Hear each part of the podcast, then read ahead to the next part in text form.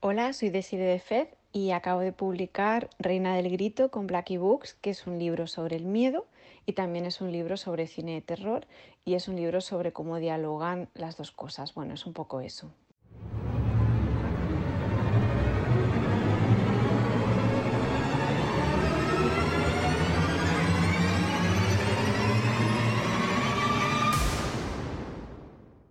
Tothom té un podcast.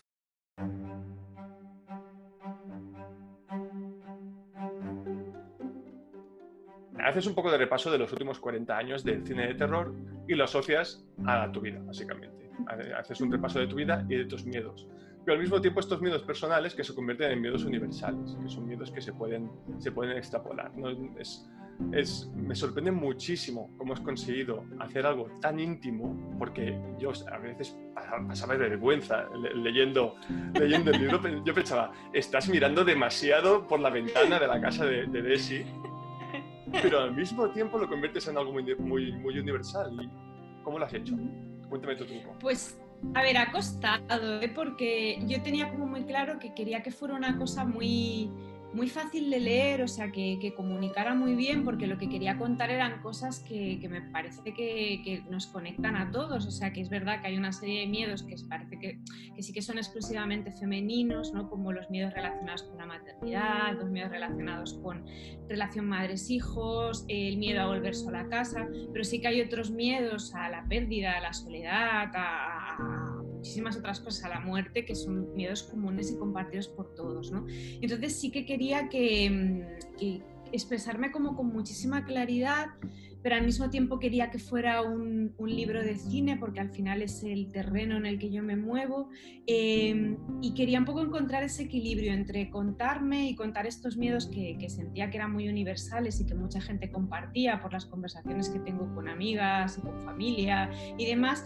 pero a la vez utilizar el cine de, pidiéndole lo mínimo para poder contar esos miedos. Es decir, no quería caer en esta cosa como del ensayo sobre cine en el que explicara demasiado de las películas porque me gustaba la idea esta de, que, de hacer mías las películas, ¿no? que creo que es algo que hacemos poco por miedo, por pudor, y en este caso era casi un gesto como egoísta de, en este libro las pelis de las que hablo son mías durante un rato, durante este trayecto que yo me marco en, la, en, en, el, en el libro, y es un poco mi interpretación y cómo estas películas me sirven a mí para contarme a nivel personal, pero es verdad que el equilibrio entre eh, las aportaciones cinematográficas, hasta qué punto quería mostrar mi intimidad. Eh, encontrar ese equilibrio no fue nada fácil, no fue para nada fácil. Sí que es verdad que me decías, a veces me sentía como un poco como que, que me daba corte y tal. Yo creo que es porque me conoces, me conoces de hace mucho tiempo, pero sí que me di mucho que yo no quería que que las anécdotas personales que cuento yo en el libro eh, murieran en la anécdota. O sea, a mí me obsesionaba que cada anécdota de la que yo partiera arrastrara algo, arrastrara pues una, reflexión, una idea, algo con lo que el lector se pudiera identificar, ¿no? que trascendiera en la anécdota. Y yo creo que de algún modo lo he conseguido en esto que decías tú de que es muy íntimo, pero a la vez muy universal, porque cuando la gente se me acerca para hablar del libro no me dice, qué fuerte cuando te pasó esto, sino que me dicen, a mí cuando esto me pasó esto otro, ¿no? Claro. Y entonces eso es un diálogo muy chulo que no me esperaba y que para mí es súper emocionante, claro. No, me gusta mucho porque al principio pensaba que era como una especie de psicoanálisis, en cierta manera, ¿sabes? Intentabas explicarte a través de las películas, pero luego en realidad es más una historia de, de orígenes de superhéroe. Eh, más, más Qué guay. Sí, porque a, a, descubro, a la medida que voy leyendo la, la... Es que la llamo novela, porque te, te, te he puesto como es si fueras un personaje. Pero yo creo que es como, está más cerca de la narrativa Sí. que del ensayo. Yo Sí, también sí, lo siento así. Sí. Sí, yo para mí es una novela y te he puesto como personaje. Eh, y a, me- a medida que, que- que cuando empieza la novela empiezas con los miedos, eh, de hecho desde el principio hablas del miedo, ¿no? De cuando creo que es Nico que te dice tengo mucho miedo y a partir de aquí empiezas a, a tirar de los miedos de tu familia y todo. Y cómo vas perdiendo esos miedos a través del cine y vas proyectando esos miedos a través del cine. Y al final ah, te conviertes en una especie de superhéroe, ¿no? Tu, tu superpoder es el, el- el perder ese miedo en cierta manera, ¿no? Sí. Es, cuando, es cuando ganas tu, tu capa. Puede ser, es guay, me gusta mucho esa, esa, forma de verlo, porque sí que es verdad que a mí hay gente que me dice, ¿tú crees que al final has perdido como el miedo después de escribir el libro? Es decir, no he conseguido ese superpoder, sigo teniendo muchísimo miedo todo el tiempo, pero sí que es verdad que a mí el libro me da un poco la clave a algo que yo sospechaba, pero que no acababa de ver claro, y cuando veo a mi hija Nico decirme que tiene miedo, una niña tan pequeña que entro como en pánico, en plan, madre mía, si dice mi hija que tiene miedo, una niña de cuatro años, porque le daba miedo real ir a la guardería, digo, eso es porque a mí me, me escucha decirlo continuamente, ¿no? Eh, me da miedo acertar a la mínima, ¿no?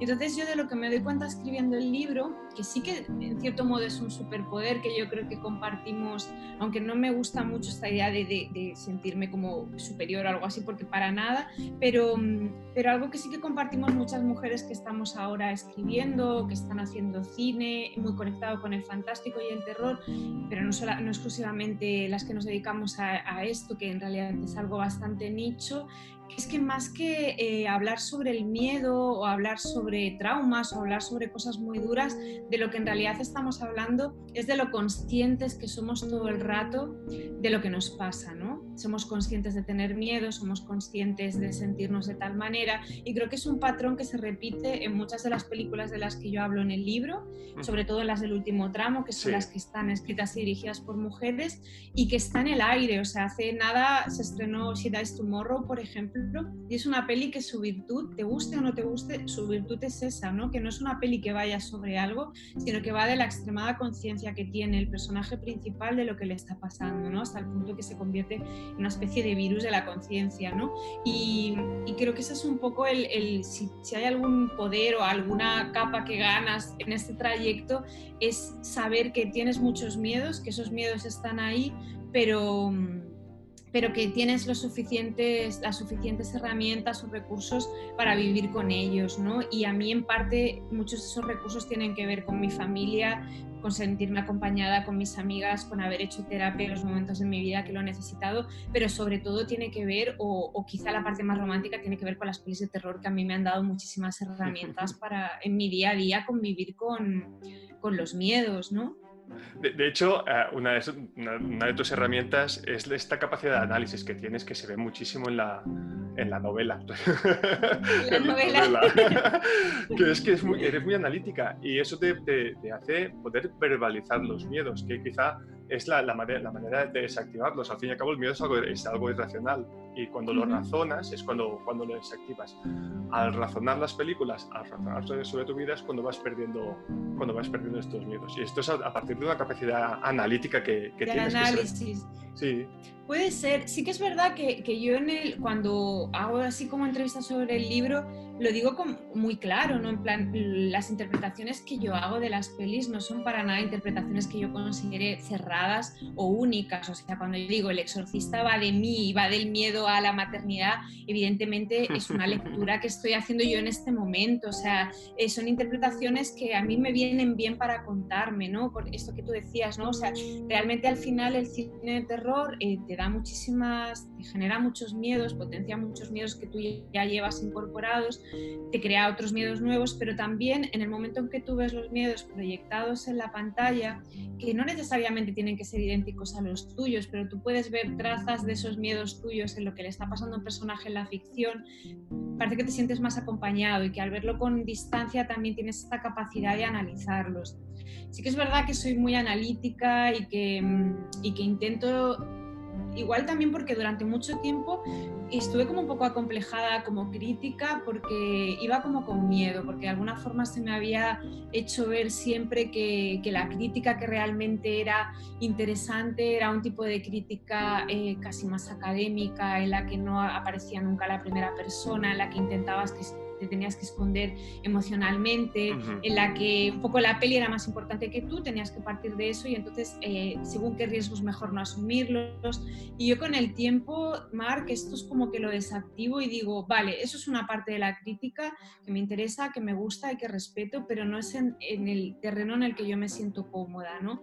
Y en los últimos años me he quitado como un poco esa losa apostando más pues por la primera persona, apostando más por no temer manera implicarme emocionalmente, si, emocionalmente si eso me servía para contar algo que yo sentía que era importante en la película, em, a apostar por este análisis con el riesgo de estar equivocándome, ¿no? O sea, yo creo que es importante como como creadores y como críticos también o como gente que nos interesa la cultura, no tener miedo a, lanzarnos con, interpretaciones de las cosas un poco osadas, porque al final yo creo que las pelis, los libros y todo los completamos nosotros, ¿no? Están ahí precisamente para eso, con lo que a mí me parece bien, ¿no? El, el sobreanalizar o analizar en una dirección que no sea como la, la que, por ejemplo, con esto del libro, hay gente que, no sé, un par de personas me dijeron, claro, es que el libro está muy bien, pero sí que es verdad que si sabes mucho de terror, pues igual, mm, claro, te sabe a poco y tal, y es como, es que no estoy de acuerdo. ¿Cómo que te sabe a poco? Em, claro, es que la movida es, si, o sea, te, puede saberte a poco si tú lo que buscas es un libro que te dé datos o que te, o que te cuente anécdotas que no sabes, no sé cómo decir. Claro, pero e, eso es un problema como, como receptor, no como, no como autor. Es, un problema de expectativas. Exacto, de expectativas, pero eso está pasando. Es algo que pasa con el cine también. Nos cargamos las películas porque no son lo que esperamos de ellas, no por cómo son. Y yo pienso, este a mí me aparece un libro escrito por alguien que se acerca a las películas de una forma a las que yo no me de la que yo no me he acercado a ellas y me puede gustar o no, es decir, te puede gustar el libro, te puede horrorizar, te puede parecer maravilloso, te puede parecer una mierda, o sea, estás en tu perfecto derecho, pero la razón es porque no te ha gustado, no porque el enfoque o el acercamiento em, no es el que esperabas. Sea, poco cosa, exacto, no es el que tú esperas. Entonces yo cuando me dicen, es un libro de cine, y yo pienso, pues mira, en parte puedes vivirlo de muchas maneras distintas, pero sí que tiene mucha parte de, libro de cine en y hay mucho cine y hay muchísimo, cine. yo creo que es bastante exhaustivo. Ah, de, hecho, mm. es una de las cosas que te quería comentar y a raíz de, esto que estás comentando. Eh, tú y yo tenemos la misma edad, somos, somos del mismo año y ambos compartimos el, el, amor por el terror, ¿no? Por el fantástico del terror. Exacto, exacto. Ah, he visto todas las películas que mencionas en el libro, menos Prevenge. Prevenge es la única que no, que no he visto. he visto el resto. Te aseguro que son... Eh, eh, o sea, hemos visto películas diferentes y eso es lo bonito. Y eso es lo bonito. yo, me he visto súper complementado en, tu libro, porque he visto un punto de vista que yo era completamente incapaz ni, de, ni, de, imaginar. Y eso es lo que me gusta. O sea, es la misma película para dos personas de la misma generación, para dos personas con una afición similar, pero que la vivimos de formas diferentes. claro, y también depende y también depende de tu momento vital, porque yo soy muy sincera cuando explico lo del exorcista. Yo me he tirado muchos años de mi vida eh, pensando que el arranque del exorcista estaba alargado. O sea, en plan, pero ¿por qué tanto médico? ¿Por qué tanto rollo de la madre? No sé qué.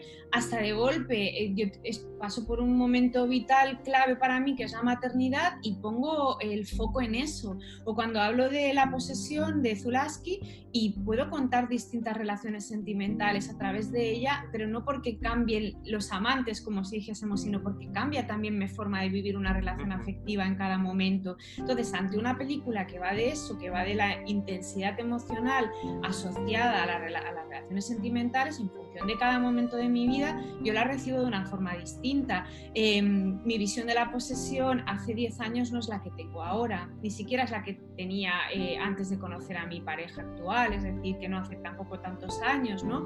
Con lo que eh, al final las pelis em, las completamos nosotros tenemos todo el derecho del mundo a cambiar, no a cambiar de opinión, pero a leerlas de distintas formas en función de en qué momento de nuestra vida estemos, pero incluso una peli puedes verla una semana y a la semana siguiente eh, que sea distinta, ¿no? Incluso a mí me hacía como ilusión meter en el, en el libro una idea que a mí me encanta y es que incluso hay pelis que ya no dependen del momento vital en el que las recibas, sino que yo creo que hay algo casi esotérico dentro de ellas, ¿no? Hay alguna película que no quieres ver, por ejemplo.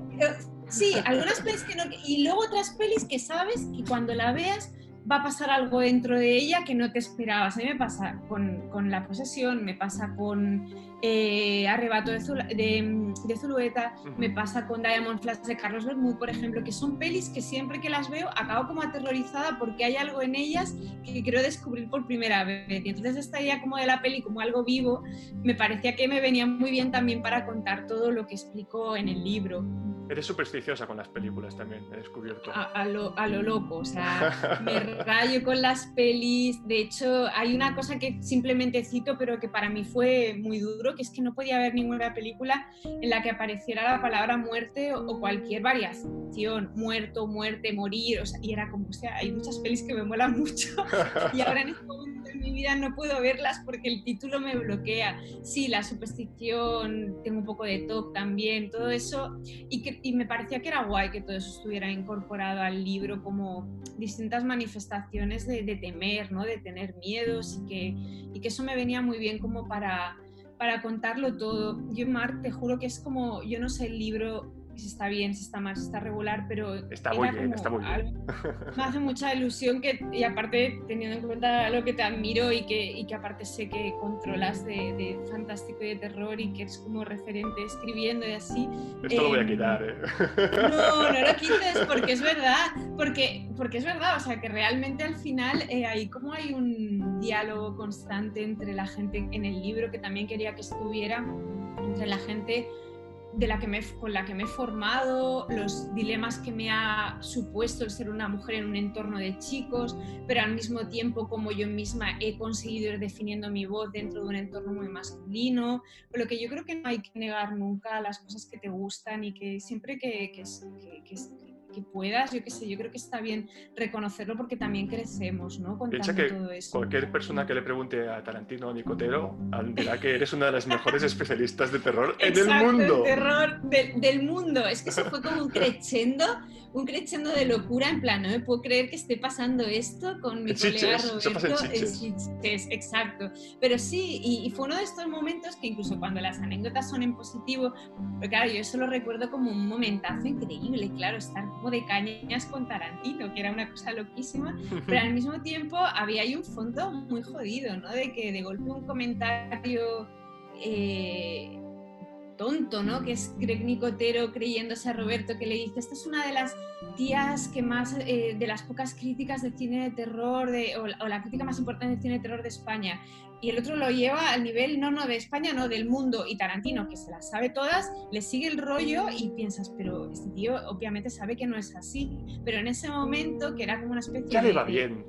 Claro, era el momento como, sí, pero el ya le iba bien era jodido, ¿no? Porque al final es esta cosa de la chica que es exótica en un entorno como masculino y un entorno como del terror y, es como, y dentro de ese universo tan masculino era como que tenía sentido esa, eh, tenía sentido, tenía sentido esa idea, ¿no? Y todas estas anécdotas pequeñas, algunas en positivo y otras en negativo, me venían muy bien para explicar eso, ¿no? la dificultad un poco de, de crear tu, una identidad em, clara y de, y de, comunicarte como te gustaría y de explicar las cosas como te gustan cuando todo tu entorno va en una dirección distinta a la tuya, ¿no? Sí, de hecho es como que eres un outsider dentro de un mundo de outsiders, en cierta manera. Exacto, sí, sí, hay, hay esta cosa que yo, mm, claro, yo no quería que es, verdad que en el libro se habla de casos eh, que es machismo puro y duro, que he vivido yo en este entorno, pero que hemos vivido las mujeres en todos los entornos. Pero aparte de eso, que es una cosa que está explicada y que, consideraba que tenía que estar ahí porque era importante para contar mi historia y la de tantas otras mujeres, em, a mí me interesaba mucho explicar eh, cómo lo difícil que es esto, crear tu propia identidad cuando todo lo que te rodea... Cuando estás rodeada de hombres en todos los sentidos, ¿no? Los libros que lees, las películas que ves, tus compañeros de trabajo, las personas con las que te vas de cañas, o sea, era como cómo consigues tú imponer tu voz, ¿no? Y me interesaba explicar que, hay varios factores que te llevan a eso. Uno es evidentemente la experiencia, que con los años ganas en seguridad.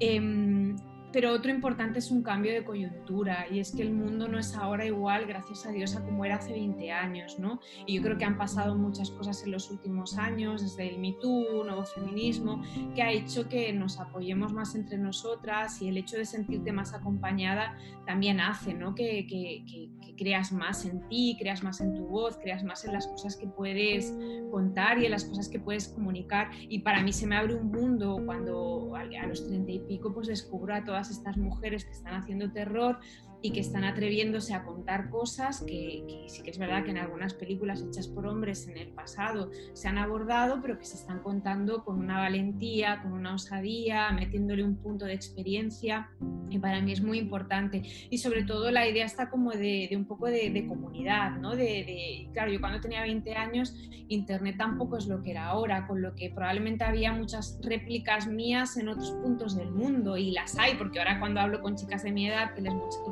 mucho el terror y que se dedican a cosas como yo, han pasado por una experiencia similar, pero claro, esa idea de comunidad no la teníamos, era más difícil contactar con la gente. Claro, yo tenía como a tres referentes de, de mujeres con 20 años y ahora tengo a, muchísimos, ¿no? Y eso también está bien porque te permite volver al pasado, recuperar todas estas películas que fueron escritas, producidas, dirigidas por mujeres, reconstruir el canon, ¿no? Que a lo largo de los años has ido construyendo de las películas que te, que te han marcado, que te han gustado. Y, y, si te fijas en el libro, la elección de las películas por, por las que yo cuento cada libro es totalmente orgánico, o sea, yo no hice como una lista de miedos y luego le adjudiqué una película, sino que todo salió de una forma muy natural y empieza realmente siendo un libro eh, en el que prácticamente todas las películas del inicio son dirigidas por hombres y poco a poco se va volviendo un libro en el que... Sí, pero aún así yo me di cuenta, y esto no es deliberado, y es una cosa que un día cogí el libro, no sé si a ti te pasa, pero a mí me cuesta mucho abrir mi propio libro, es como que me da como cosa, no sé, no, pero es rarísimo, ¿no? leerte a ti mismo. ¿no? Y ves cosas que están mal y esto no, esto no tenía que estar así. Sí, sí. Exacto. Y, bueno, o sea, y, entonces nunca lo miro, pero el otro día pensé, voy a hacer así como rápido, una pasada muy rápida y me di cuenta de que casi cada dos páginas hay una mujer citada.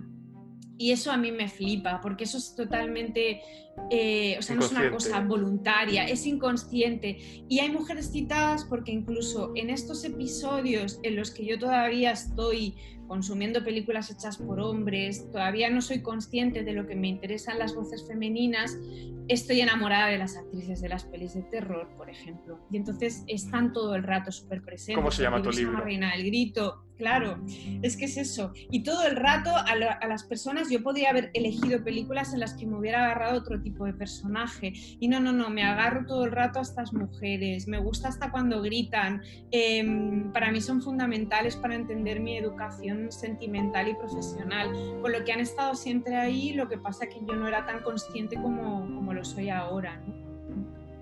¿Cómo están tus miedos ahora?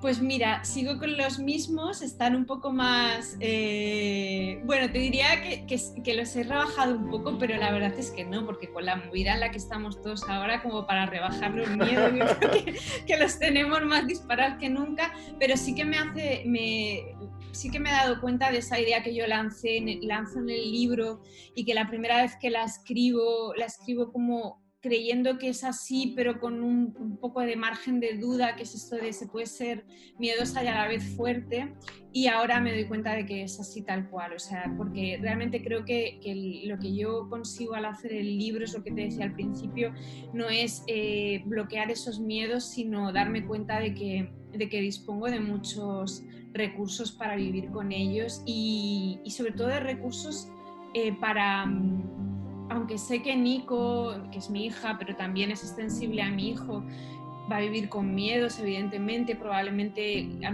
las futuras generaciones les van a aparecer miedos nuevos con los que nosotros no, hemos convivido. ¿no? Algunos heredados de ahora, ¿eh?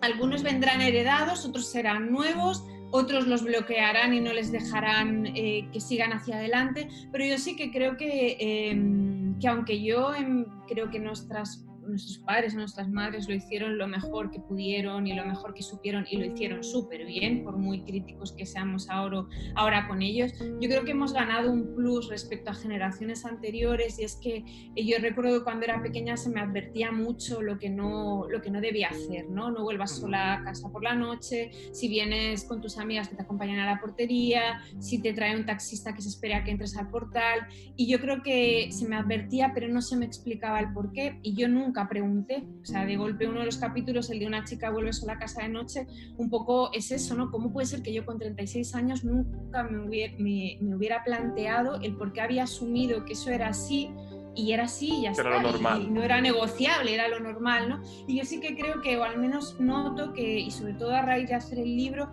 que de cara a mis hijos hago como siempre como un esfuerzo extra, porque sí que es un esfuerzo, porque implica pensar cómo cuentas algo, que cada vez que les advierto de algo intento explicarles el porqué que a veces lo haré fatal, o sea, claramente lo haré como el culo mil veces, o sea, pero sí que quiero como añadirle ese quiebro ahí como de... Ser transparente. Sí, no, no, comunicarte y contarlo y, a veces no vamos a tener las herramientas, porque no sé si te pasa con tu hijo, pero a mí me hacen unas preguntas a veces que pienso, madre mía, ¿qué le respondo? Pero en la medida intento, ser, intento ser transparente y cristalino también, ¿eh? intento explicarle las cosas lo, más, no crudas, porque tiene siete años y medio, pero para su edad eh, intento ser bastante eh, realista. Y, porque, porque al fin y al cabo lo que no se habla es tabú y el tabú es sombra. Y, el miedo a la oscuridad, el miedo a la sombra lo tenemos todos. Con lo cual, cuanta menos sombra haya, cuanto menos tabú, eh, menos miedos y más capacidad de, afrontar la realidad, creo. Total, y por eso ellos también preguntan más. O sea, yo no era preguntona de pequeña y ellos es como que todo y, pienso, vale, a veces me pones la cabeza como un bombo, pero tiene que ser así, porque es la forma como tú de también ganar herramientas para... Y sí que, eh, una, me decías, eh, los miedos como siguen, sí que he desactivado un poco ese miedo a, a la herencia, ¿no? al sentirme como responsable de que, de que, todos los miedos que de golpe trans, eh, mm, intuían mis hijos, eh, automáticamente pensaba que eran culpa mía, ¿no? Es como, esto es porque yo soy miedosa, esto es porque yo no sé qué. Y ahí sí que es, esa parte sí que quizás el único miedo que he rebajado un poco al escribir el libro y al enfrentarme otra vez con los miedos de que, me han ido arrollando a lo largo de mi vida y que al final siempre son los mismos, pero en versiones más adultas o más sofisticadas. Pero mi miedo a no adaptarme profesionalmente como adulta no es distinto de mi miedo a no adaptarme en el instituto con, 13 años. O sea, es que al final es lo mismo, pero, pero pensado de una forma distinta ¿no? y más adulta, pero sí que es verdad que está ese exceso como de responsabilidad de creer que todo lo que hago tiene consecuencias sobre mis hijos y que si les prohíbo algo, uy, pobres, porque les voy a ahí sí que creo que lo he rebajado un poco, ahí he intentado, he intentado como que se calmara un poquillo. Desi, muchas gracias por esta charla, muchas gracias por la reina del grito. Qué guay, qué guay, que te haya gustado, me hace muchísima ilusión, de verdad. Oye, ¿te has reído un poco? Es un poco gracioso, sí. Mira, con el parto y de Conjuring. Carcajadas. Carcajadas. Es que James Wan es la mejor, bueno, e-, es el mejor acelerador de, partos del mundo. Eso me, partía, me partía, la verdad. Esto se lo, se lo, recomiendo a todas las embarazadas. Si os mandan de vuelta al hospital porque no estáis lo suficientemente dilatadas, James Wan da igual. De Conjuring es perfecta, pero cualquiera, menos Aquaman, que igual no funciona. Aquaman igual para dejarte embarazada sí que sirve. ¿eh? Esta, igual te viene más mejor para lo otro, pero, pero las otras vienen, vienen muy bien para, para parir y para acelerar las contracciones de estas cosas. Muchísimas gracias. Muchas gracias, Mar. Gracias. Hasta ahora. Tothom té un podcast.